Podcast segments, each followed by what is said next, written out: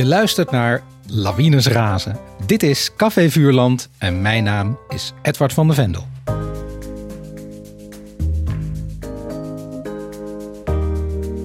In deze podcast herlees ik klassieke kinderboeken met auteurs van nu. Hoe vers voelen de boeken nog? Wat voor auteur was er aan het werk? Dat en meer bespreek ik vandaag met schrijvers Marita de Sterk en Jeff Aarts. We zijn in Antwerpen en we lazen het boek Pitje Moer uit 1980 van de grote Vlaamse schrijver Henri van Dalen.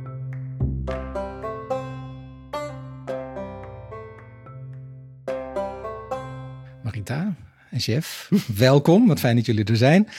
Zouden jullie alvast één korte, korte indruk, één zinnetje kunnen zeggen over je herleeservaring, denk ik dat het was, Marita? Ja, ik vond het een ontzettend fijne vraag. Het is altijd een favoriet boek geweest, ook bij het herlezen nu nog. Van een schrijver die me aan het hart ligt. En ja, gepubliceerd in het jaar dat ik hem voor het eerst heb ontmoet. Ah, oh, daar willen we straks meer van horen. Maar dat komt. En chef? Ik vond het ook heel bijzonder. Voor mij was het de eerste keer dat ik het boek las. Ik vond zijn stijl heel fijn om te lezen. En daarnaast vond ik het ook heel herkenbaar. Ik was zelf op, als kind duivenmelker. Dus ik ging ook heel vaak bij oudere mensen op bezoek om daar een cola te drinken.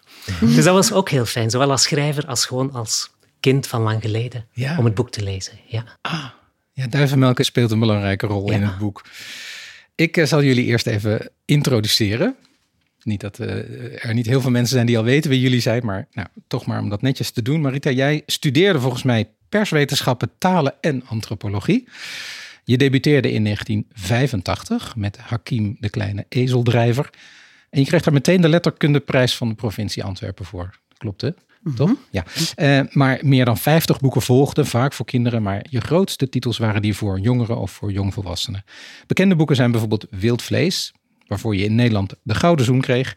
En Kwaad Bloed, waarvoor je dan weer een zilveren zoen kreeg. Net als voor Met Huid en Haar. Maar voor Kwaad Bloed kreeg je volgens mij ook nog de Vlaamse Boekenleeuw. En dan zijn er nog je verzamelingen van volksverhalen, zoals Bloei en Stoute Meisjes overal. En binnenkort, in maart, komt je nieuwste jeugdroman uit en die heet Harde Hand. Mhm. Ja, Straks gaan we ook daar nog wat over horen. Chef, jij debuteerde een, een eindje later in 1999, volgens mij. Uh, eerst als romancier, vijf boeken voor volwassenen. Mhm. Vier romans en één dichtbundel. Je schreef ook voor toneel. Maar in 2012 ja, je bent, vorig jaar was je dus tien jaar kinderboekschrijver. Ja, klopt. Denk ik nu opeens. Ja. Was je eerste kinderboek door Het Kleine Paradijs. Dat werd meteen genomineerd voor de Boekenleeuw. Je tweede boek was Groter dan een Droom met Marit Turnquist. Uh, dat de Boekenleeuw ook echt daadwerkelijk kreeg daarna. Plus een zilveren griffel. En van die griffels zou je er nog twee krijgen voor Vissen smelten niet en De Blauwe Vleugels. En je laatste boek, vorig jaar, nee 2021 verschenen, De Nacht van Ronken, waarin de vriendschap tussen de blinde Ronken en haar buddy Nouri centraal staat. Is er ook iets nieuws op komst? Niet voor meteen. Niet voor meteen, oké. Misschien in het najaar, dat nog even afwachten. Ja, ja. De, uh, de schrijver die vandaag centraal staat is Henri van Dalen. Hij leefde van 1946 tot uh, eh, 2010. Hij wist altijd al dat hij schrijver wilde worden, als kind al. En hij debuteerde als 16-jarige met zijn eerste boek met een Vlaams filmpje. Ik weet niet helemaal wat dat is, Marite. Wat is dat? Het was een heel populaire reeks in Vlaanderen. Uh, gepubliceerd door de broeders van de abdij van Averbode. Die wisten op dat moment niet dat Henri, de man die manuscripten instuurde, dat hij 16 was. En die begonnen vlotjes het een na het andere Vlaamse filmpje van hem te publiceren. Ik heb ze gelezen toen ik 12, 13 was. Het werd wel een beetje een kweekvijver voor Vlaamse schrijvers genoemd. Je kon met die kortverhalen jezelf zo'n beetje het ambacht toe-eigenen, zal ik maar zeggen. Ah, en dat, dat waren dus hele, hele korte boekjes, kleine boekjes? Ja, kleine boekjes, maar het was al vol een bak Henri eigenlijk. Historische thema's, de boerenkrijg, uh, ja. ja. Ah ja, en, en dan, uh, dat werd dan uitgegeven om het, om het lezen te stimuleren, denk ik. Hè? En in het onderwijs heel fix gepromoot. Ah, oké. Want dat heet dus ja, een beetje verwarrend, in ieder geval voor Nederlanders, dat het filmpje heet. Maar het zijn dus mhm. boeken. Uh, goed, na die Vlaamse filmpjes, uh, of tenminste na zijn debuut, kwamen er meer dan 115 boeken. Hij schreef zowel voor volwassenen als voor kinderen. Daar zei hij trouwens ook wat dingen over, die horen we straks nog. En veel van zijn boeken balanceren ook een beetje ergens daartussenin. Tussen ja, wat nou voor kinderen of voor volwassenen is. Ze kunnen in ieder geval door jong en oud genoten worden. Als je zijn hele oeuvre overziet, dan kun je eigenlijk zijn boeken indelen in vier delen. Zo zijn er de fantasieverhalen. Daarvan is bijvoorbeeld Heksje Paddenvratje misschien het bekendst. Je hebt bewerkingen van klassieke boeken, zoals Tijl Uilenspiegel uh, en Sprookjes. Bijvoorbeeld in uh, een boek samen met Tae King, en dat heet En ze leefde nog lang en gelukkig. Dan heb je de titels voor volwassenen, die waren vaak over de Vlaamse geschiedenis, over het Vlaamse koningshuis of zelfs over postzegels.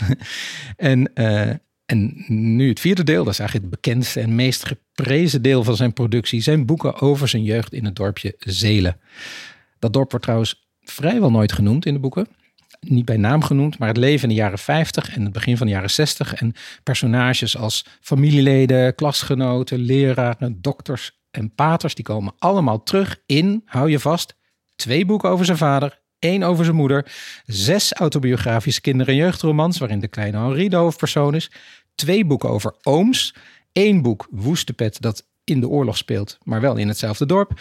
En een stuk of zeven boeken over klasgenoten, waaronder Dikke Idde, een van de lievelingsboeken van de Nederlandse auteur Sjoerd Kuiper. Maar het gebruiken van de voedingsbodem van zijn jeugd begon in 1980. Want toen schreef Van Dalen het eerste van de drie boeken over zijn grootouders. En dat is uh, Pietje Moor, het boek wat wij nu lezen. Ja, dat is een relatief dun boek. Met een, uh, als hoofdpersoon de bijna 80-jarige opa van de kleine Henri. Ja, Pitje is denk ik een oud Vlaams woord voor opa. Is dat zo?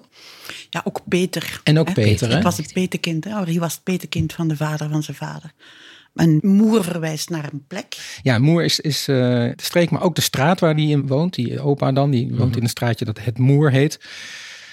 Pitje Moer kwam op een hele bijzondere manier tot stand. Want uh, hij deed daarmee, uh, Henri van Dalen deed daarmee mee aan een wedstrijd van de Nederlandse uitgeverij Bruna. In de jury zaten niet de minste namen. Thea Beckman, Jan Terlouw, Dolf Verroen. En Van Dalen won. En dat was trouwens omdat Bruna een kinderboekenfonds wilde opzetten. Dus ze gingen gewoon een wedstrijd uitschrijven. En uh, nou ja, hij uh, stuurde dit in. Dat werd hun eerste kinderboek.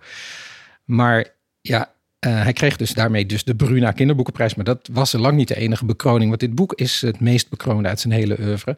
Hij kreeg er de Staatsprijs voor Jeugdliteratuur voor. Hij kreeg er de provinciale prijs voor het kinderboek van de provincie Oost-Vlaanderen voor. Ja, hele mond vol. Ook nog een Italiaanse prijs en in Nederland een vlag en wimpel. Ja, de ik-persoon is uh, niet die opa. Dat is eigenlijk de kleine Henri, dus de kleinzoon. Vanuit hem wordt het meeste verteld, zou je kunnen zeggen. Maar de hoofdpersoon is dus die, uh, die opa, die zijn hele leven klompenmaker is geweest en caféhouder. Nou, dat café is er dan nog steeds als hij uh, zo oud is, maar er komt nog maar weinig volk en vooral heel weinig familie, want er is iets gebeurd. Mitje Moer, zijn vrouw, moest een tijdje geleden naar het ziekenhuis en is daarna doorverhuisd naar een tehuis naar de zusterkes. Ja, vanaf dat moment hebben Mitje Moer en Pitje Moer geen contact meer gehad. Ze leven eigenlijk gescheiden. En uh, dat is vooral uit koppigheid, vooral van Pitje Moer. En Van Dalen schrijft dan, zo zit Pitje Moer daar al bijna twee jaar te vrijgezellen. Maar intussen brengt hij wel af en toe een bezoek aan het Torenhof. Ja, dat kunnen we toch niet anders zien dan een bordeel, toch? Een kabertoesje. Ja, wat is dat? Wat is dat? Ja, ik weet toch, Het ziet er toch, nou ja, de, de, lonkende vrouwen aan de bar. Het wordt niet helemaal omschreven. Nee, nee. Maar hij, hij omschrijft het wel heel mooi eigenlijk, hè? Het, ik weet niet meer hoe het... Het, ja, het is ook helemaal in het begin van het boek. Ja. Er branden rode lichtjes achter de ramen en binnen is alles net een zacht doosje. Ja, het is wel heel uh, lief gesteld. maar goed, niet iedereen is het mee eens, zeker al zijn kinderen niet. En ja, hij, het is niet helemaal duidelijk wat hij daar doet. Maar in ieder geval brengt hij de eigenaresse van het Torenhof af en toe radijsjes, verse radijsjes uit de tuin. Ja, ik dacht, Marita, om, om het uh, ook qua stijl even te introduceren, dat we misschien een stukje moeten voorlezen. En uh, ik heb jou gevraagd om een stukje te lezen. Het zijn de vrouwen die het leven ingewikkeld maken, zegt Pietje Moer. De vrouwen hebben de washandjes uitgevonden en overal gordijntjes voor en om de veertien dagen verse beddenlakens en servietten bij het eten. Servietten. Elke week geeft Pietje Moer me geld voor twee kilo stoofvlees. Ik moet het voor hem halen als de school uit is. Pietje Moer heeft er verstand van van stoofvlees maken. Hij doet er van alles bij wat eetbaar is en wat hem toevallig in handen valt. Ajuin, knoflook, tomaten. Altijd gaat er een klein stukje chocolade bij en twee flesjes patersbier. Eén avond in de week staat dat stoofvlees van Pietje Moer twee uren te sudderen op het gas. En daar eet hij een hele week warm van. De ene keer maakt hij er frieten bij, de andere keer sopt hij er boterhammen in. Want het voornaamste is dat je afwisselt, zegt Pietje Moer. Tussendoor eet hij een boterham met niks of met peperkoek of met sardientjes. Heel de familie wordt van langzaam bozer op Pietje Moer. Eerst hebben ze erom gelachen. Toen dachten ze nog dat hij zou bijdraaien, dat hij op een dag met de staart tussen de benen naar de zusterkes zou lopen, helemaal ontredderd. Maar dat doet Pietje Moer niet. Het hele dorp praat erover. Dat Mietje Moer in het rusthuis is en dat Pietje Moer alleen in zijn huis zit te mokken en dat hij radijsjes draagt naar Toornhof. Er komt bijna niemand meer bij Pietje Moer. Alleen ik. Ik haal stoofvlees voor hem. Ik breng hem met de duiven weg. Ik zit te luisteren naar de verhalen die hij vertelt. Thuis zeg ik er niks van.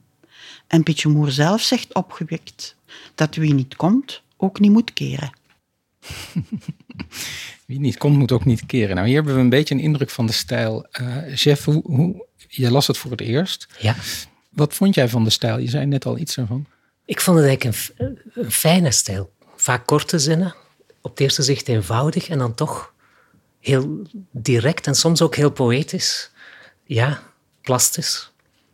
Ik vond het, ik vond het heel fijn om te lezen, ja. Heel eenvoudig en toch gelaagd op een of andere manier. Ja.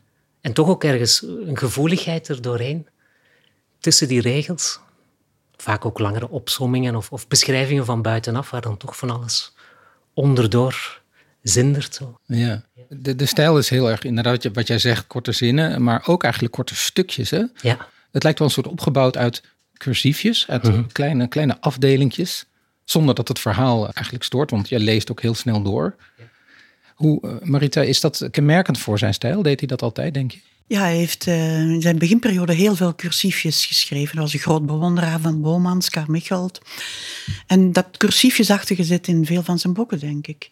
Maar ik vind ook als je Pietje Moer leest, doet het ook op een bepaalde manier qua stijl modern aan. Zoals chef ook aangeeft, dat impliciete, dat gelaagde. Eigenlijk in een tijdsperiode, 1980, um, dat iedereen bezig was met, met probleemboeken en vaak ook heel prekerig klonk, heeft hij zoiets, ja, bijna monkelend, onderkoeld, um, vertellend. Ik vind een heel unieke stem, heel krachtig in zijn eenvoud. En um, ja, ook heel soepel klinkend. Het laat zich ook mooi voorlezen, denk ik altijd. Ja, ja dat hoorden we net ook inderdaad. Um, maar wat ik er zo bijzonder aan vond, is dat het dus ergens heel licht aandoet. zit ook humor in, vaak. Maar het, het is nogal een onderwerp. Het is voor jongere kinderen. En dan gaat het over uh, eh, 80 jaar zijn en opeens niet meer met je vrouw zijn en het koppigheid haar niet meer willen zien. Hoe, waarom werkt dit zo goed? Ik vind het echt een raadsel. Ja, ik vond het ook wel heel heftig hoor die verhouding met Mitjemoer en dan... Het begint eigenlijk met allemaal korte stukjes inderdaad, na elkaar en losse scènes precies. En, en dan denk je, maar die heeft hij echt zo lang niet meer opgezocht, zijn vrouw. Die zijn gewoon uit elkaar op die leeftijd, omdat hij zo koppig is. Ik vond dat ook wel heel heftig. Eigenlijk. En het is eigenlijk pas tegen het einde van het boek dat dat helemaal na zijn nieuwe nacht in Torenhof, waar hij helemaal misgaat eigenlijk, dat hij haar gaat opzoeken ik vond dat wel een heel, wel mooi opgebouwd, maar dan, ja, mhm. ja, toch bijzonder. Door heel onschuldig te beginnen met allemaal beschrijvingen. Ja. Dan, ja. Ja, want het hele boek is eigenlijk een. Uh, dus in het begin krijgen we even die, dat dilemma. Dan, dan horen we ook een beetje wat, uh, wat Pitjemoer daar, daar, daar ja, wat, wat, wat bozig over zegt af en toe. Mm zoals het net stukje wat Marita, wat jij voorlas, van, ja, over de vrouwen, dat is niet, niet zo heel positief. uh, hij zegt ook over pensioen, zegt hij, staat er dan, pensioen is zwijggeld. Als je 65 jaar zijt en ophoudt met werken, moet je zwijgen en braaf zijn. Dus het begint ontevreden. En inderdaad, dan krijgen we allerlei luchtige stukjes. Allemaal dingen die hij met, met de overbuurman of met zijn kleinzoon doet. Eigenlijk is er heel veel liefs en rustigs en nee, nou, een beetje kabbelend. Maar dan eindigt het toch heel heftig inderdaad. Na een dronken bui gaat hij midden in de nacht, dat haalde jij net even aan, chef, gaat hij uh, toch na twee jaar naar het tehuis, naar de zusterkes. En daar belt hij aan, ik wil mijn vrouw zien. Wat ze natuurlijk niet toestaan. Ja. Mm. En vervolgens loopt hij daar een bronchitis op en wordt hij doodsziek En in die tijd dat hij doodziek is, sterft zij ook nog. Dus het is, dat is nogal wat. Dat is nogal wat. En dat is op de laatste 15 bladzijden of zo. Ja, nou hij geneest nog, hè? We, hij geneest, ja. ja. Dankzij die kleinzoon, hè? Hij vraagt dus eigenlijk aan een relatief jong kind, wilt jij voor mij zorgen? Hij stuurt de rest van de familie buiten. En hij zegt, als ik ziek ben, wilt jij mij dan verzorgen? En denk erom, ik wil niet naar de kliniek en ik wil niet naar de zustertjes. Dus je zult daar maar staan als tienjarige. Met zo'n loodzware opdracht, maar dat doet hij dan ook, hè? Ja. Ja, hij moet er echt voor zorgen. Hij moet mhm. eigenlijk, ja, zover komt het gelukkig nog net niet, maar hij moet eigenlijk zijn ouders, de andere uh, nonkels, er zijn er geloof ik vijf of zo, moet hij tegenhouden als die eventueel Pietje mhm. Moer naar, uh, naar de zusterkers zouden brengen. Ja. Dat is ook het mooie. Hè? Het wordt eigenlijk verteld vanuit de jongen. Mhm. En je hoort wel in die verhalen dat alle volwassenen helemaal niet akkoord zijn met wat, wat Pietje Moer doet. Maar die jongen kijkt zo naar hem op en hij ziet hij zo graag. En je hoort alleen zijn dingen dat hij in het begin ook in meegaat en denkt van, ah ja, heeft wel gelijk, die koppige man. Mhm. ja. ja, die warmte tussen die twee, dat is met zoveel gevoel neergezet. Hè? Ja, ja, En ook niet echt, uh, moet ik het zeggen, uitleggerig of er dik op, maar je ziet dat in die hele kleine scènes van samen met de duiven spelen, samen vliegeren. Ja, dat is echt een... Uh, ik vind, daar komt zo'n gloed uit naar voren. Ja, ja mooi woord. Ja, mhm. gloed. Ja, dat is het. Het wekt ook enorme, had ik in ieder geval, leeslust op. Je denkt, ja, ik heb dit dunne boekje niet uit, maar nu wil ik alle boeken, of heel veel boeken van Henri van Dalen. Mhm. Ik moet ook zeggen, het is eigenlijk het eerste van een drieluik. Mm Want er is uh, een tweede boek, een paar jaar later verschenen, heet Pitje Faan. Dat is, gaat over de andere grootvader. En, en dat is dus heel bijzonder, een derde deel, Mitje Moer. En dat gaat over die oma die dus uit zichzelf besluit ja, met een beetje druk van, van de kinderen om naar, uh, naar de zusterkers te gaan. En, en hoe zij dan ook eigenlijk heel uh, uh, droevig is dat er geen contact wordt opgenomen. Dus dat ze haar man nooit meer hoort. Nu is dus eigenlijk lees je, als je die twee boeken na elkaar leest, dan lees je van twee kanten dat ongelooflijk onbegrijpelijke gemis. Waarom gaan die mensen niet even bij elkaar langs? Ja. Maar nog even sowieso het uitgangspunt. Dus schrijven over iemand van bijna 80, met problemen van iemand van bijna 80, met de koppigheid van iemand van bijna 80, met het, het terugverlangen naar oude tijden ook. Uh, vanuit een kind die dat alleen maar ziet en er een kinderboek van maken. Zou, zouden jullie dat durven? Zouden jullie zo'n hmm. positie durven innemen? Hij heeft lef. Dat heeft hij altijd gehad, Harry. En ehm, ja, dat heeft mij ook ontzettend in hem aangesproken toen ik hem de eerste keer zag. Was naar aanleiding van een lezing in 80 over Pietje Moer, waarbij hij zelf zei, een literair salon in Antwerpen, het is een kentering in mijn werk. Pietje Moer is een kentering in mijn werk echt, ik ben met iets nieuws bezig. En ik had het toen net gelezen en ik kwam toen ook echt zo over van, van dit is echt wel een nieuw geluid. Er zit ook heel veel vertelplezier in. Ja. En dat, dat was ook Henri. Het, hij, zei dat ook vaak. Van ik, ik wil het geluk dat voorbij is terug dichtbij halen. Maar ook de, de melancholie, dat zit er eigenlijk ook allemaal in. Dus ja, lef hebben wij, heb ik ik zal voor mezelf praten, zoveel lef. Ik heb het altijd bewonderd bij, andere, bij collega's, bij andere auteurs en misschien geprobeerd, maar ik kan het moeilijk zeggen of ik uh, zoveel lef heb opgebracht. In die tijd, in 80, was het ook wel wat, denk ik. Ja? Ik, vond, ik denk dat het toen echt wel een gedurfd boek was. Wat, wat was toen de, ja, dat is een moeilijke vraag, maar wat was de doorsnee Vlaamse kinderliteratuur? Denk je? Ik denk heel sterk probleemboeken. Ja. En ik denk um, waar Henri ook een hekel aan had. En um, ik denk heel prekerig, waar hij ook een beetje wars van was. Ja, zeker. Ja, ja. ja en misschien historische boeken, die waren er denk ik mm. vrij veel. Ja. ja. ja. Chef, zou jij zoiets, zo'n boek over een ouder iemand ik durven? Ik zou wel zeker een boek durven schrijven over die ontmoeting van, allee, die relatie tussen een kind en een ouder iemand, absoluut. Ik heb dat als kind zelf heel vaak gedaan. Ja. Bij oudere mensen op bezoek gaan en daar heel de middag zitten. Maar ik zou het nu niet kunnen om dan enkel de, wat er omgaat in het hoofd van die, van die oudere man natuurlijk. Ik zou wel het kind centraal zetten. Ja. Ik denk dat dat wel... Want eigenlijk kom je over die jongen zelf niet zo heel veel te weten. Nee. En dat is wel een verschil. Plus, wat, wat ik wel ook niet zou doen, allee, of wat ik een beetje gek vond, is dat het perspectief soms verschuift in het boek. Hè. Het kind vertelt en ineens zit je dan, is het kind verdwenen en gaat het door in, in, in Pietje Moer zijn hoofd. Dus daar zou ik denk ik op een andere manier oplossen. ja, dat is Iets, iets wat we denk ik niet, nou ja, wat we in ieder geval terug zouden krijgen van onze redacteuren. Van dit, dit snap ik niet, want dit perspectief is anders. Maar hij deed dat heel vrijelijk, ook in zijn andere ja, boeken. Ja, dat ook leuk is natuurlijk. Op maar het werkt toch ook? Want het werkt ook, Je bent eventjes uh, mee met Henri, met de kleine Henri. De kleine Rie, zoals die ook wel, en, en de grote Rie was dan uh, de opa. Maar dan, ja, dan gaat het eigenlijk over een soort, soort gedachteproces van die opa. Maar het is niet, tenminste, ik had niet dat ik de hele tijd dacht: uh, wie is er nu aan het woord? Dat is heel natuurlijk. Mhm. Dus echt een pure perspectiefkwestie die we toch echt niet meer zouden doen, die niet aangeraden wordt, heeft hij wel gedaan en het Mhm. werkt. Mhm. Dat is toch ook. Ja, waar, dat is waar- moedig dan wel, ja. ja, nee, maar omdat jij zegt dat zou ik dan nu niet meer doen, is dat dan toch omdat je denkt dat het te moeilijk is? Of? Met het perspectief zo Ja, verschuiven. Ehm, ja, ik denk dat het minder gebruikelijk gewoon is dat je dan toch. Ik heb wel sommige stukjes twee keer gelezen van, ah, is die nu terug? Wie is er nu aan Ah, het ja. woord? En omdat ik daardoor soms wel het gevoel krijg dat het kind meer gebruikt wordt om het verhaal van die opa te kunnen vertellen, Ja. eerder dan dat je de, de beleving van het kind centraal zet.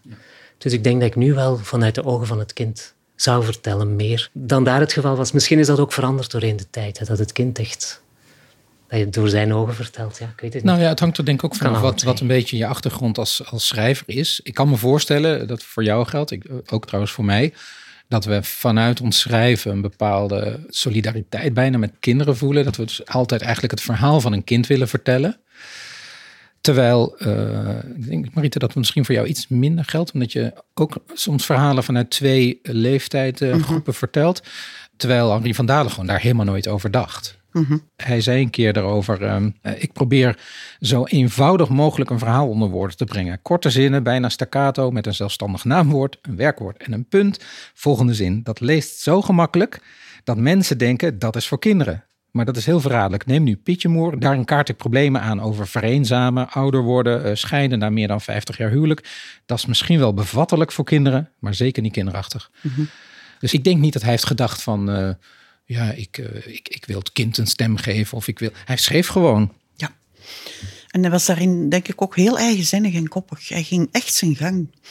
Je ziet ook bijvoorbeeld aan zijn bewerking van de Reinaard dat hij waar hij alle vorige bewerkers met jongeren in het achterhoofd, zelfs volwassenen, de pikante stukken, de lastige, de vrede stukken eruit haalde. En dat deed hij dan net niet. Nee, die, Dus die, die- die zette die extra aan misschien wel. ja, die, die bleven er toch echt wel behoorlijk in. En Ja. hij was enorm verguld met die illustraties van Klaas Verplanke, die dat dan ook nog eens mee onderlijnde. Dus een, ja, wat eigenlijk de critici daarover te vertellen hadden, en in welk, in welk veld ze hem onderbrachten, eigenlijk kon hem dat niet zoveel schelen. Toen we elkaar voor het eerst zagen in 80 na Pietje Moer, was ik recensent voor Jeugdboekengids en ik had nog niks gepubliceerd. En dan over die recensenten kon hij wel wat vertellen. van, eh, Ja? Wat, wat zei hij daarover? ja, dat, dat was toch haastwerk. En eh, die konden dan zo'n boek neersabelen waar iemand twee, drie jaar aan, aan gevroed had. En het eh, niveau van de recensenten op dat moment in Vlaanderen vond hij eigenlijk niet echt, niet echt serieus genoeg. Dus het heeft ook even geduurd voor wij elkaar als companen gevonden hebben. Eigenlijk moest ik zelf ook een beetje meer schrijver dan recensent worden, voor we beter on speaking terms kwamen. Ja, ja, ja. ja. Maar ehm, jij hebt toch, wat ik net zei, ook wel een aantal boeken vanuit ouder en jonger. Je nieuwste boek, wat dus nog eh, gaat komen, daar zijn eh, de meeste hoofdstukken zijn vanuit een meisje van een jaar of 18, 19 denk ik. Ja, iets ouder, ja. Iets ouder misschien. Eh, maar ook hoofdstukken vanuit een oudere jager in dit geval. Met een ik-persoon. Met een ik-persoon. Ja, dat vond ik dan een enorme uitdaging. hè. Een, een dwarse jager die eigenlijk alle voorschriften aan zijn laars slapt en die eigenlijk ook een wereldbeeld vertegenwoordigt rond denken over dieren, maar ook over kinderen. Dat, oh ja, dat bijna, mijn kinderen zouden dat prehistorisch noemen, van generaties terug. Hè. Je moet hun wil breken, dat gaat dan zowel over honden als over kinderen. En dan pas kun je ermee klappen. Dus dat vind ik dan wel een uitdaging om zo'n extreme figuur met zijn eigen taal en hebben en houden neer te zetten. Nu, toen ik zelf gedebuteerd was, had Henri geen goed woord over mijn debuut eh, over. Hij zei, de sterk, waarom gaat je dat zo ver zoeken? Er waren wereldverhalen over eh, je kinderen uit niet-westerse culturen. Je moet schuppen op de grond waar je staat. En dat is wel aangekomen. Zo van, ja, backyard history, dig where you stand. Hè? Ook, ook orale historie. Dat zat er ook al een beetje in mij, maar heeft dat toch echt wel aangescherpt. Van, doe dat ook een keer. En um, ja, hij deed dat met heel veel verven en heel veel lef. Ik heb wel wat van hem geleerd. Ook omdat hij heel ongezouten zijn gedacht kon zeggen. Ja. Beetje zoals hij schrijft. Dat, dat deed hij ook over... Uh niet alleen maar over recensenten, maar ook over mensen, eh, over boekhandelaars, uitgevers, bibliotheekmensen. Hij zei bijvoorbeeld, nou dat valt trouwens nog mee hoor, maar hij zei, ik heb altijd gecontesteerd dat ik een jeugdauteur zou zijn. Dat ben ik dus absoluut niet. Ik ben niet bezig met een bepaalde leeftijdsgroep. Niet tijdens het schrijven en niet tijdens het denken. Maar ja, dan komt het moment van publicatie en dan moet daar ineens een leeftijd op. Waarom is dat zo? Omdat boekhandelaars en bibliotheekmensen te lui zijn om daar zelf een leeftijd op te zetten. Hmm. Ja. Ja. dus we kunnen het hebben over ja, vanuit wie schrijven we en wat, wie, wie zijn de lezers, maar daar was hij helemaal niet mee bezig. Ben jij daar eigenlijk mee bezig, chef? En wie, wie het gaat lezen? Ben ik daarmee bezig? Ja, ik denk wel na over wie het gaat lezen natuurlijk. Maar ik ben toch vooral bezig met wie vertelt het verhaal. En dan vanuit wie het vertelt krijg je wel een beetje een wereld die geschapen wordt. Maar bij de leeftijd denk ik niet zo erg na. Nee. nee. nee. pas op, bij een prentenboek of zo zit je natuurlijk wel met een ander kader dan met een roman. Maar ik, ik, ik probeer het toch zo breed mogelijk te houden. Ik schrijf sowieso niet zo ingewikkeld. Dus het, Nee, maar ik heb wel het idee dat jij schrijft over de dingen die je ook als volwassene bezighouden. De thematiek is absoluut niet kinderlijk. Nee, dat klopt. Ik probeer geen thematiek uit de weg te gaan voor, de, voor de kinderen. Nee, mhm. absoluut. Is dat trouwens een erfenis uit het feit dat je eerst voor volwassenen schreef? Of is dat... Mm, goh, ik, nee, ik denk dat ik daar gewoon geen verschil in gemaakt heb. Ik werk ook even lang aan een boek als aan een volwassen roman. Ik heb, de onderwerpen zijn zeker niet lichter geworden of eenvoudiger. Nee, ik vind het wel belangrijk dat er ook ergens een spannend verhaal of zo hm. in zit. Dat je ook echt meesleurt doorheen die thematiek, zonder die dan ook... Ja, en dat er ook een lichtheid in zit. Ja. Dat wel. Ja. Nou ja, dat zien we ook wel in de boeken van Van Dalen terug. Hè. Er zit altijd lichtheid in, maar er zijn ook altijd grote dingen die op het spel staan, waardoor je echt wil weten hoe het verder gaat. Ja, ja maar ook wel doordat hij ze gewoon neerzet zoals ze zijn. Hij gaat er zeker niet prekerig over doen. Of, ja, Ali Pietjemoer durft wel eens mhm. spreken natuurlijk. Ja, ja, ja. ja, ja. dat zei je zelf ook over lachen gebeurt aan de overkant van het verdriet, zei je. Lachen gebeurt, aan, de, overkant van, het verdriet. Ja, dat is mooi. Je, uit wat je net al een beetje vertelde, Marita, over het contact uh, wat je had. Uh, jullie hebben elkaar vaak gesproken. Ja, ik heb een uh, heel uitvoerig interview met hem gedaan in 83. Daar is een soort uh, monografietje van gekomen. En op dat moment was ik hoogzwanger. En ik studeerde antropologie en ik was zelf aan het schrijven. Dus het was voor mij ook wel een heel belangrijke periode. En hij hield wel die afstand, want ik was toch vooral de recensent. Maar hij was toch redelijk openhartig in dat interview. En ik had een enorme bewondering voor die stem. Ik herkende bepaalde elementen. Zijn fascinatie voor de orale cultuur, dat is iets wat mij ook altijd enorm heeft begeesterd. En ja, hij kon, hij kon echt ook wel met een soort vaderlijke stem, want hij was negen jaar ouder dan ik, maar hij had veel meer uh, schrijfervaring. Hij was vroeger begonnen, schreef uh, echt wel aan een enorm tempo. Ik kon ook echt zo wel met vaderlijke stem bepaalde dingen uh, vertellen en zeggen. En dan in de jaren negentig, toen ik meer publiceerde en we met een groep naar Bologna gingen, kantelde er zoiets en, en kwam er een soort... Ja, met de kinderboekbeurs toen waren Harry van Dalen en Ed Frank bijvoorbeeld twee ontzettend straffe companen.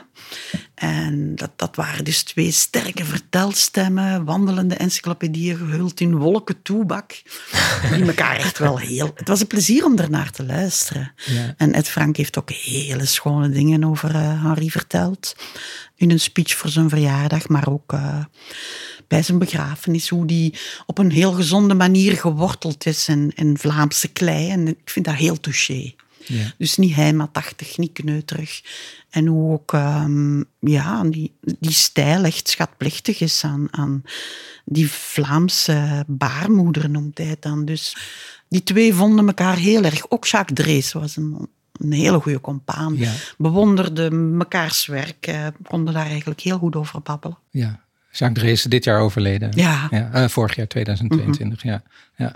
ja. Uh, over die, um, ja, die, die, de kern van zijn keuzes, van zijn schrijven, wat je net al een beetje aanhaalde, wat net Frank zei over hoe hij over, over Vlaanderen schreef. Daar zei hij zelf over. En dat vroeg hij dus zichzelf af. Wat brengt iemand ertoe om het verhaal van heel gewone mensen te willen vertellen? Het komt erop neer, zei hij, dat je een soort verantwoording aflegt over uzelf, voor hen. Ik kom uit een stel naamloze mensen die niet durfden of niet konden of niet wilden spreken. En ik heb geprobeerd om hen een stem te geven en te zeggen, zo was het ook. Het is de twee tegelijk. Hen een stem geven en een plaats zoeken voor mezelf in het leven. Dat vind ik een prachtig, ook helemaal niet zo makkelijk te begrijpen uh, verantwoording, maar heel intrigerend. Dus je denkt, hij, hij eert zijn hele familie, hij eert mhm. al die figuren uit zijn vroegere tijd, maar eigenlijk is hij dat aan het doen, zoals hij zelf zegt, voor hen, maar over zichzelf. Terwijl hij toch helemaal niet zo heel erg voorkomt als persoon in, in, in veel van de boeken. Mhm. Nee. Wat, wat, hoe, het is vrij abstract, maar hoe, hoe, hoe interpreteren jullie deze uitgangspunten? Ja, ik was aan het denken aan. Um, hier schrijft hij daar ook in het begin iets over. Ja, wat jij, uh, jij pakt nu een heel dik boek. Uh, dat is de bundeling van zes van zijn boeken die over zichzelf gaan eigenlijk. Ja, een uh, tuin om in te spelen. Een tuin om in te spelen. Het is later uitgegeven om, om die zes nog eens bij elkaar te zetten. En dat gaat van een boek over toen hij heel klein was. Van zeven, geloof ik, begint het. Tot en met zijn twintigste, eenentwintigste, tot en met zijn, zijn studietijd. Ja. En daar zit een voorwoord in. Ja, daarin vertelt hij eigenlijk ook een beetje wat je net vertelde over waarom hij dan kiest voor werkelijk gebeurde verhalen en personages, maar ook wat dat dan voor hem een soort ja, autofictie is. Want hij schrijft ook, schrijven is de waarheid liegen. Dus dat hij eigenlijk ja, doorheen die figuren die een plek wil geven en tegelijk ook een boek wil maken. En, en voor hemzelf dan. Ik kan een stukje ervan lezen. Hoor. Werkelijk gebeurde verhalen hebben enige indikking nodig als ze verteld worden. Ze geven strikt genomen maar een stukje, een afspiegeling van een verhevigde werkelijkheid die gekleurd is door de herinnering van de schrijver. Deze neemt zijn personages subjectief waar, omdat hij vaak wat nostalgisch achterom kijkt naar een tijd toen alle zomers zo warm waren en alle winters bijtend koud. Hierdoor worden de gebruikte personages subjecten een product van de schrijver, en ze mogen dus niet verward worden met levende personen, die immers veel completer zijn en vaak zelf hun verhaal hebben. Soms komt het de schrijver zelfs beter uit om een personage iets te laten doen op een ander moment en een andere plaats dan hij het ooit gedaan heeft. Schrijven is de waarheid liegen. Dus hij speelt er ook wel een beetje mhm. mee met het hervertellen van, uit een bewondering ook voor de dingen die hij kent, de zelen en alle personages die rondlopen. En tegelijk maakt hij er ook wel fictie van. Ja. Een verhaal. Dus zou dat proces van er fictie van maken en misschien dingen eh, net iets anders uh, weergeven, zodat dan het gedeelte zijn wat hij voor zichzelf deed? Ik denk het, ja. Oh, ja. Hij heeft heel veel bewondering voor zijn familie, dat dan klompenmakers zijn, een grote traditie van vader op zo'n klompenmakers. En dat hij er zo'n spijt van heeft dat hij dat zelf nooit geleerd heeft om twee dezelfde mhm. klompen perfect te maken, die perfect bij elkaar passen. Maar voor hem is dat het schrijven, zegt hij dan. Het schrijven is mijn ambacht. Ooit staat er iemand op en die vertelt het verhaal van die generaties, mhm. die wel klompen maakten, maar dan weer nooit mhm. het schrijven geleerd hebben. En dat doet hij dan op zijn manier. Ja. Dus dat is toch zijn stukje. Die... Ja. Dat zei, dat zei hij ook. Ik ben mijn vader op zijn eerste fiets. Ik ben mijn grootvader met zijn strooien hoed. Ik ben een schakel in een ketting. Dat, heeft, dat komt heel veel terug bij hem. Ja. Ik ben een schakel in een ketting. Ja. ja. En dat ambachtelijke wat je aanhaalt, hij had daar enorm bewondering voor. En zo schreef hij ook. Hij gebruikte atoma-schriften, zijn zo ringmappen, van een heel eh, bekende firma in België. En de rechterpagina schreef hij dan met de hand het doorlopende verhalen links invallen en correcties.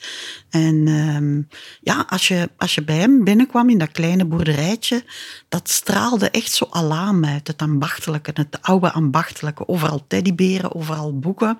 Teddyberen? Waarom, ja, waarom teddyberen? iets met teddyberen. ah, ja. Uh, of stapels atoma-schriften. En dan die, wat hij dan zegt uh, van dat uh, fragment van helemaal in het begin, van dat stofvlees maken, zo deed hij het ook. Met dat stuk chocolade en dat bier van de paters erbij. En dat stond, stond dan eigenlijk op zijn stoof te pruttelen. in het stoofvlees ja, gooide hij altijd bier en chocolade. En chocolade. Uh, ja, hij had ook iets met de cuisine du terroir van de buurt. Hij was heel erg bevriend met een fameuze chef-kok uit die buurt. Guy van Kouter heeft hij ook een heel mooi boek over klassieke recepten meegemaakt, een heel mooi fotoboek. Daar had hij echt wel iets mee. En dan was er zo'n overbuurman die bij hem ook wel eens schilderwerk kwam doen en hij deelde een friteuse met die buurman. En die kwam die dan met de kruiwagen brengen. Dus als we op, daar op bezoek kwamen, stond het stoofvlees te pruttelen en dan kwam de chef met de kruiwagen met de friteuse aan. Dus het is, het is echt wel een wereld waarvan je zegt van ja, het, het was een figuur, zoals er destijds wel meer rondliepen, zoals Godelieva, Ulleners en anderen, waarvan je zegt van, goh, ja, toch wel jammer dat ze zo niet meer gemaakt worden. Ja. Dat soort uh, bijzondere figuren. Volkomen authentiek. Ja, heel authentiek, ja. Maar nu begrijp ik, want dit wist ik natuurlijk niet, hoe hij uh, was in dagelijks leven, dat dat een soort uh, spiegeling is van hoe hij deze boeken schreef. Want ook in de boeken komen al die dingen voor. Mm -hmm. Niet alleen maar dat hetzelfde erin voorkomt, maar ook dat het met piepkleine variaties in een ander boek voorkomt. Ja, je herkent daar veel in. En dat maakt natuurlijk, het is sowieso fijn om te lezen, maar dat, je hoort ook zijn stem als je hem gekend hebt. Uh, als je Pietje Moerer leest, je hoort hem dat echt wel zeggen. Zo'n sonore brom, berenstem, terwijl het Frank dan zo met meer nasaal geformuleerde one-liners daartussen kwam. Ja, het was een, eh, een heel authentieke figuur, een beetje zoals de mensen in zijn boeken. Ja, maar nu, nu uh, is er veel warmte en liefde in het beschrijven van familie, bijvoorbeeld. Mm -hmm. uh, maar zelf was hij geen vader, volgens mij. Nee. Ik denk dat die positie van kleinzoon, dat is iets wat voor hem heel belangrijk was. En dan terugreflecteren naar... En hij heeft over zijn buurmeisjes geschreven, maar... Hij had zelf geen kinderen. Er is een, in dat hele mooie filmpje op YouTube zie je hem vliegeren met kinderen. Ja, er is een YouTube-filmpje waarin je hem terug ziet gaan naar Zelen, naar het dorpje. We zullen dat in de, in de show notes ook uh, de link geven. Mhm. Daar zie je hem inderdaad teruggaan. En dan is hij aan het vliegen met kinderen in, in, in de buurt. Hè? Ja. En dat vliegen komt in heel veel van de boeken voor.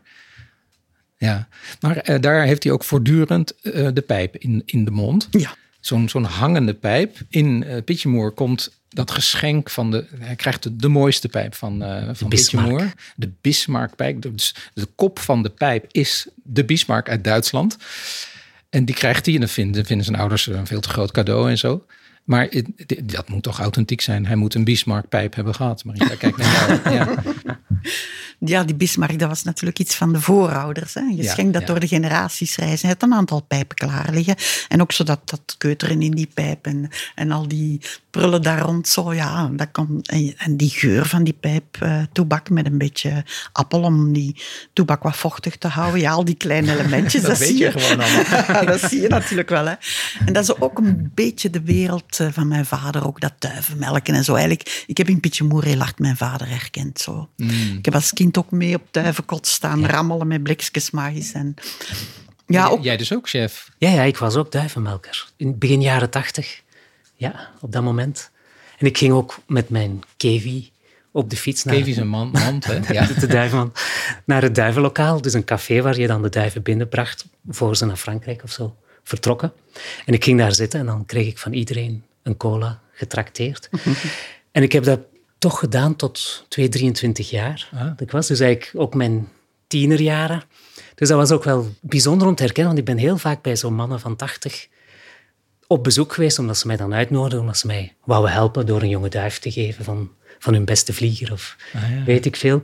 En eindeloos naar die gesprekken geluisterd en ook wel hun gemompel en gemopper en hoe duur het allemaal werd in de buurt en over alle mogelijke dingen. En dan helpen om op te ruimen of zakken eten naar boven, naar de zolder te dragen waar die duiven.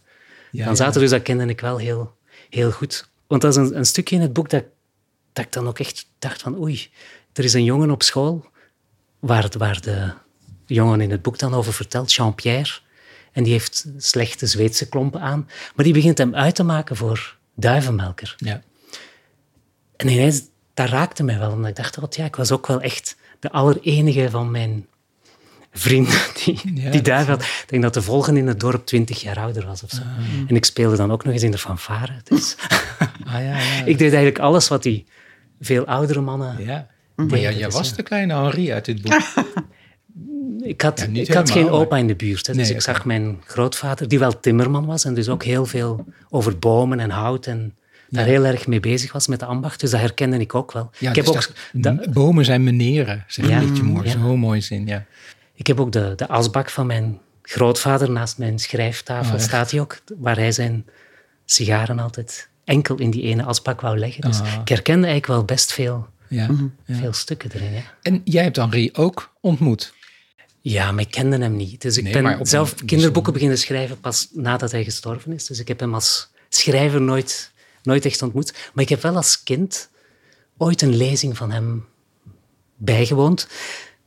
Ik ga, voor, ik, ik ga ervan uit dat hij het is. Ik, er is veertig jaar over gegaan en ik heb altijd gedacht het was Henri van Dalen. Maar, en hm. dat was wel heel bijzonder, want ik herinner me wel dat hij een heel goede verteller was. En dat ik onder de indruk was van dat hij schrijver was. En ook wel dat hij was wat hij deed. Ja, mm. die, die was gewoon wat hij schreef. Dus dat was op zich ook heel mooi.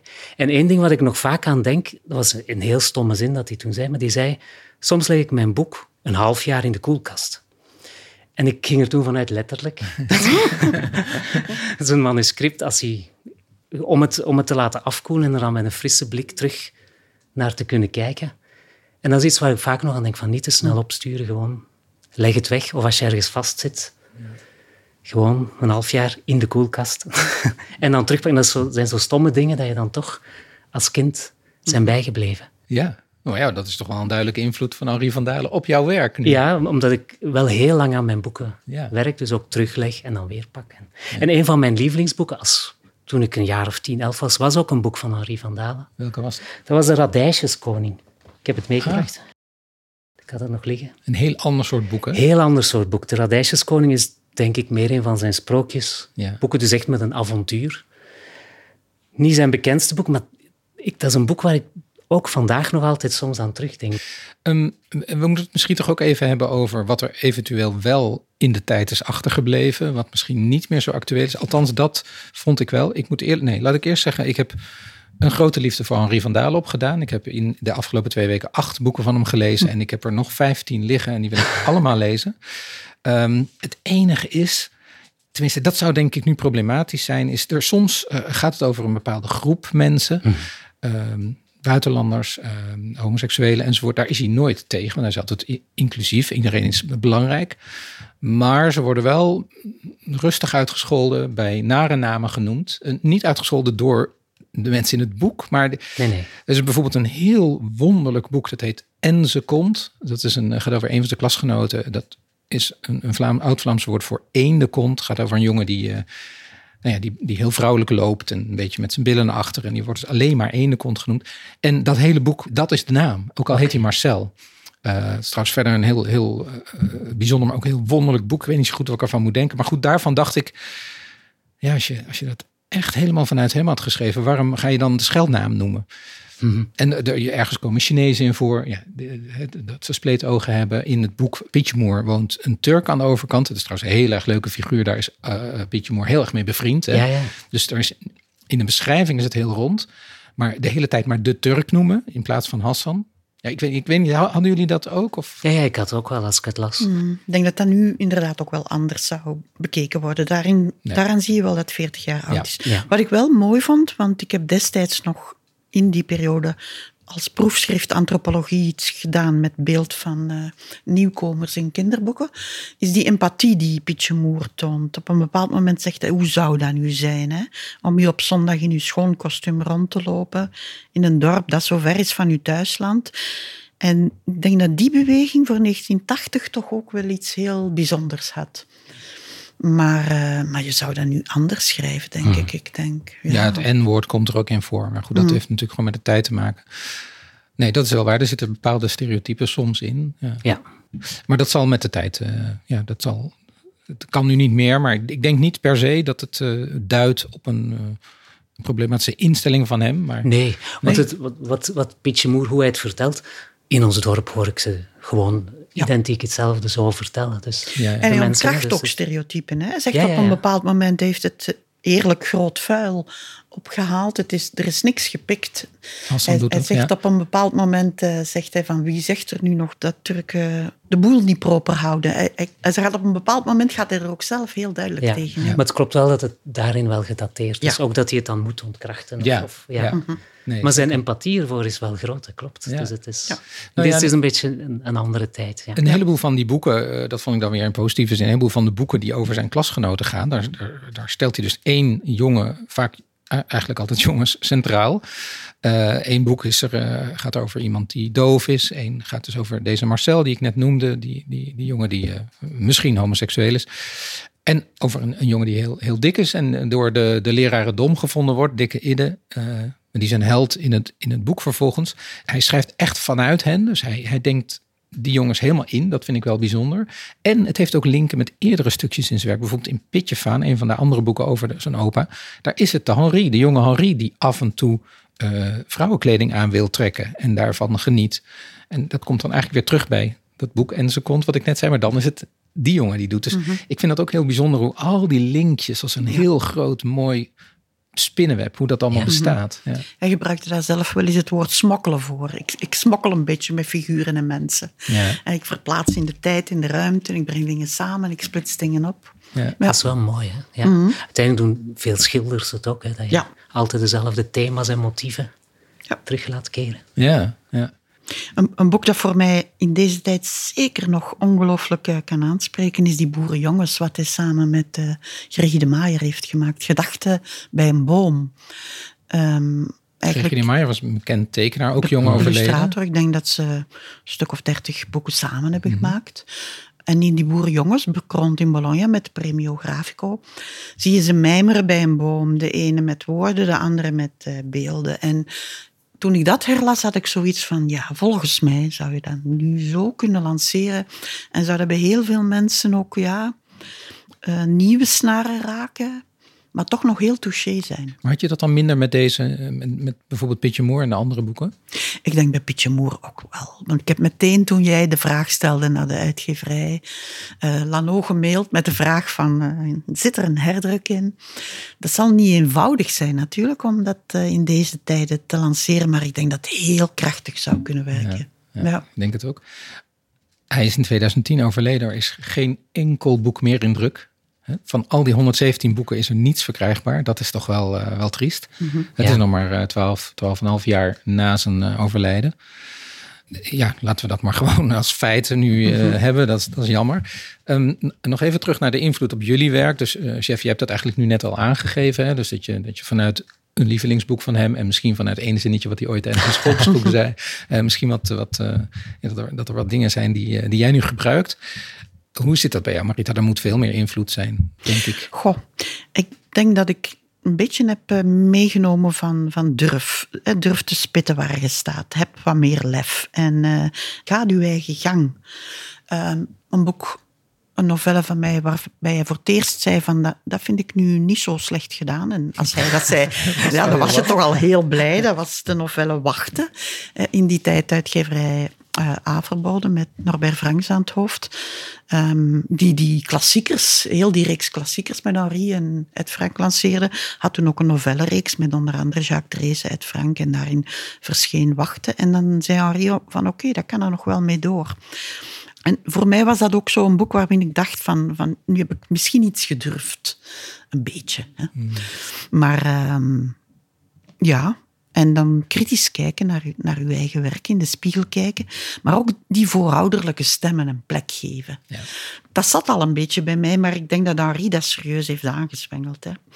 Um, aboriginals hebben daar een heel mooie term voor, die um, ancestral past, het heden van de voorouders. En ik heb heel hard het gevoel dat dat, dat, dat bij Henri heel sterk is. Ja. En vandaar dat ook zo dood jammer is dat hij niet meer verkrijgbaar is. Hij laat zijn onkel Richard in een boek ook zeggen, Henri, schrijf mijn verhaal op, ik wil bewaard worden Mhm. in een boek. En dan denk ik, ja, ik denk dat Henri dat eigenlijk ook wel uh, op een of andere manier wou of bewaard worden in vele boeken. En ja, ik heb zo het gevoel van, van ja, um, schrijvers zijn, zijn soms snel vergeten. Is hij bewaard gebleven, behalve in jouw schrijven en dan een heel klein beetje in jouw schrijven, chef, in andere schrijvers van nu? dat denk ik ongetwijfeld wel. Ik denk dat bijvoorbeeld het Frank en Henri elkaar voortdurend heen en weer gestimuleerd hebben en, en aangeport hebben. En ook met Jacques Treese. Maar ik denk ook jongere mensen, wiens lijnen. Het is, het is niet altijd makkelijk om daar zo echt een vinger op te leggen. Maar ik denk, ja, dat dat toch niet in Dovenmansoren is gevallen. Dat zei hij soms ook wel, hè. Dat zou ik geweldig vinden, hè? Dat, er, dat er later iets verschijnt dat er misschien niet was geweest als ik, als ik niet had geschreven. Zo. Ja. Het is dus toch zo'n beetje een droom van voortbestaan via die verhalen. Ja.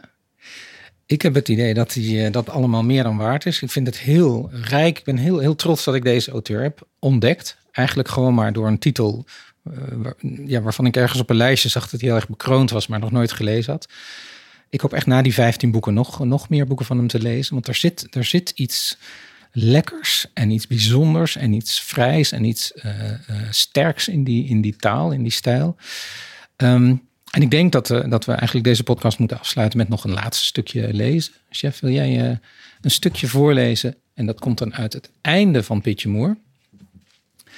En dat is ja, helemaal op het einde. We hebben het al gezegd dat er op het einde is, is Pitchmoor ziek.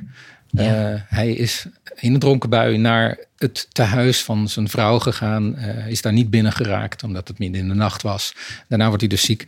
En dan krijgt hij een, een heel erg bijzondere droom.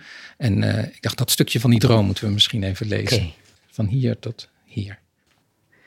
Pietje Moer wordt snel beter, net zoals het weer. De winden van maart jagen de eerste botten in de bomen. En in april bijt de winter nog eventjes, maar het is niet gemeend. De radijsjes staan zo dik als het haar op een hond en in het kleine serretje komt de sla met bleekgroene neusjes kijken. De dromen van Pietje Moer worden ook beter. Vannacht, zegt hij, stond ik in een grote fabriekshal. Enorm groot. Er was geen mens te zien, alleen maar machines. Machines zijn zo ingewikkeld als mensen. Groot als reuzen waren ze. Ze vulden de hele hal. Maar ze waren niet dreigend zoals de meeste machines die we nu hebben. Ze waren niet bang om voor te zijn. Ze beloofden iets. Bijna lief waren ze, zoals het binnenwerk van een klok. Maar weet je wat zo eigenaardig was? Het was een heel stille fabriek, doodstil. De machines waren niet dood, daar was ik zeker van. Ze wachten alleen maar. Maar ik wist niet op wat.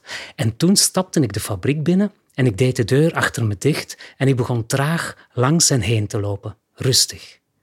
En overal waar ik kwam, schoot alles zoemend in gang.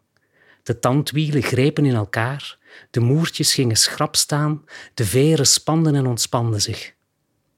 Alles draaide voor mij. Verstaat je dat? De machines waren mij niet de baas, maar ik was de baas. En zij erkenden dat. Is dat geen mooie droom? Ja, zei ik. Ik begrijp het niet helemaal, maar toch is het een mooie droom en er zal een dag komen dat ik hem begrijpen zal. Hmm. Marita, hebben we Henri een beetje recht gedaan, denk je? Ja, ik hoop het, ik denk het. Uh, dat is het leuke natuurlijk van zo'n podcast. Ik had dat bij een aantal van de vorige auteurs ook, dat die weer eventjes, ook al zijn ze overleden, heel dichtbij komen. En dan had ik toch, toch het gevoel bij, bij het herlezen, het praten over Henri, dat hij daar toch weer eventjes heel dichtbij kwam. Ja. Fijn, dank jullie wel. Graag gedaan. Dit was Lawines Razen, een podcast van Café Vuurland. De gasten in deze aflevering waren schrijvers Marita de Sterk en Jeff Aarts. De montage was in handen van Ignaas Schoot en mijn naam is Edward van de Vendel. Je kunt alle informatie uit deze aflevering nalezen op www.vuurland.nu, dus .nu. Klik dan even door op Café Vuurland. Deze podcast werd mogelijk gemaakt door een subsidie van het Nederlands Letterenfonds in het kader van de campagne Van Maker tot Lezer. En we bedanken de erven Anne Rutgers van der Loef en uitgeverij Ploegsma voor het mogelijk gebruiken van de naam Lawines Razen. Het logo is van Floor de Goede en volgende week donderdag is er weer een nieuwe aflevering. Dan bespreken we De Prinses van de Moestuin van Annemie en Margriet Heijmans. En de gasten zijn dan Hedy Chin en Floor de Goede. In de tussentijd veel herleesplezier.